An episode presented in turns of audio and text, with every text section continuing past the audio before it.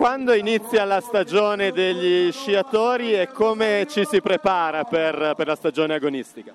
Allora, la stagione inizia già a giugno con preparazione atletica in, in pista, in campo, quindi fuori dal, dall'ambito nevoso, per poi incominciare sui ghiacciai.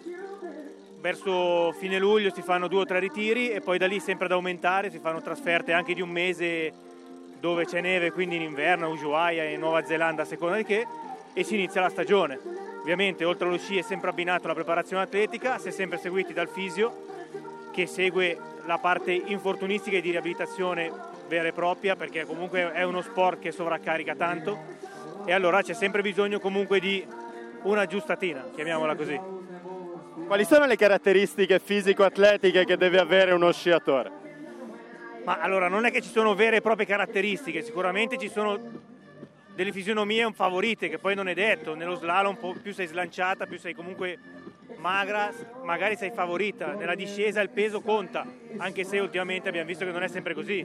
Atlete come la Schifrin hanno ottenuto i risultati in discesa, in Super G e quindi non è un, sicuramente non è pesante, è molto agile molto atletica, molto brava.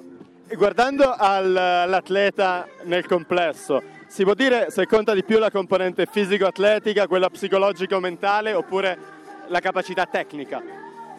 Ma allora, sicuramente il talento è una parte importante, però poi tutte e tre devono servire, perché non si può essere solo brave senza fare niente, non si può essere, cioè per diventare brave bisogna comunque farsi sempre gran fatica, gran lavoro in tutto. Quindi sia la preparazione atletica, sia la tecnica, ma anche la parte psicologica è importante, perché comunque uno può essere bravissimo in allenamento, poi davanti al cancelletto spegnersi e non riuscire mai a combinare niente. Si può dire però che la preparazione fisica è eh, una delle premesse necessarie per ridurre la possibilità di cadere, di sbagliare, di farsi anche male.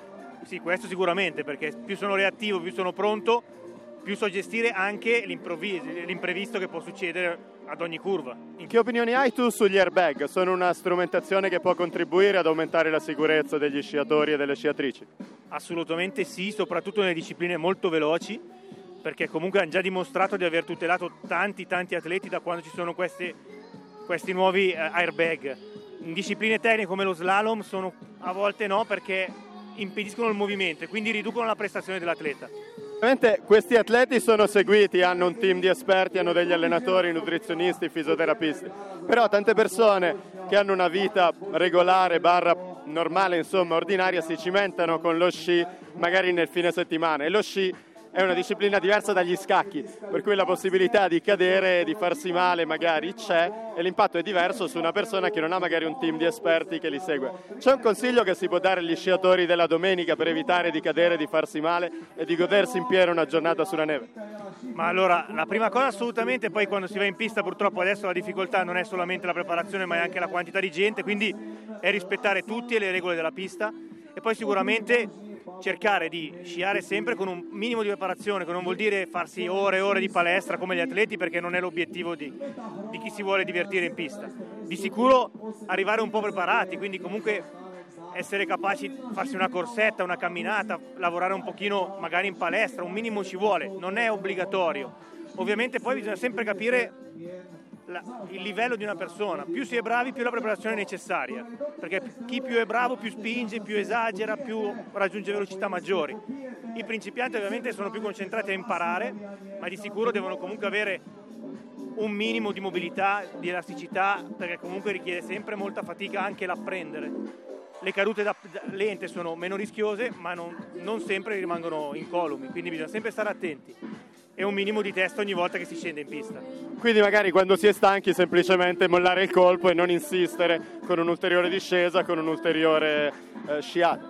Assolutamente sì, poi un'altra cosa importante è gli sciatori del weekend che poi si, che, che si fermano magari a mezzogiorno e si fanno le grandi mangiate, le grandi bevute, ecco, per scendere dai rifugi oppure per continuare a sciare un minimo di intelligenza perché la risposta è sicuramente più rallentata anche solo se uno mangia tanto e i pericoli aumentano tanto. Quindi comunque in, in tutta la giornata bisogna fare attenzione.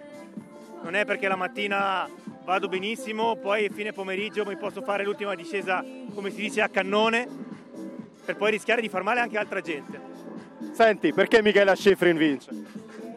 Eh, eh, bella domanda perché lei è bravissima, ha talento, sicuramente ha delle caratteristiche che tante altre non hanno, però ultimamente anche altre, altri stanno veramente col fiato sul collo, quindi spero che più si va avanti, più questa cosa diventi non solo di due o tre atleti, sempre di più, e che anche le nostre italiane, che purtroppo adesso stanno un po' tentennando, soprattutto le giovani, riescano a dare il meglio sempre di più e crescano sempre al meglio. Grazie. Prego.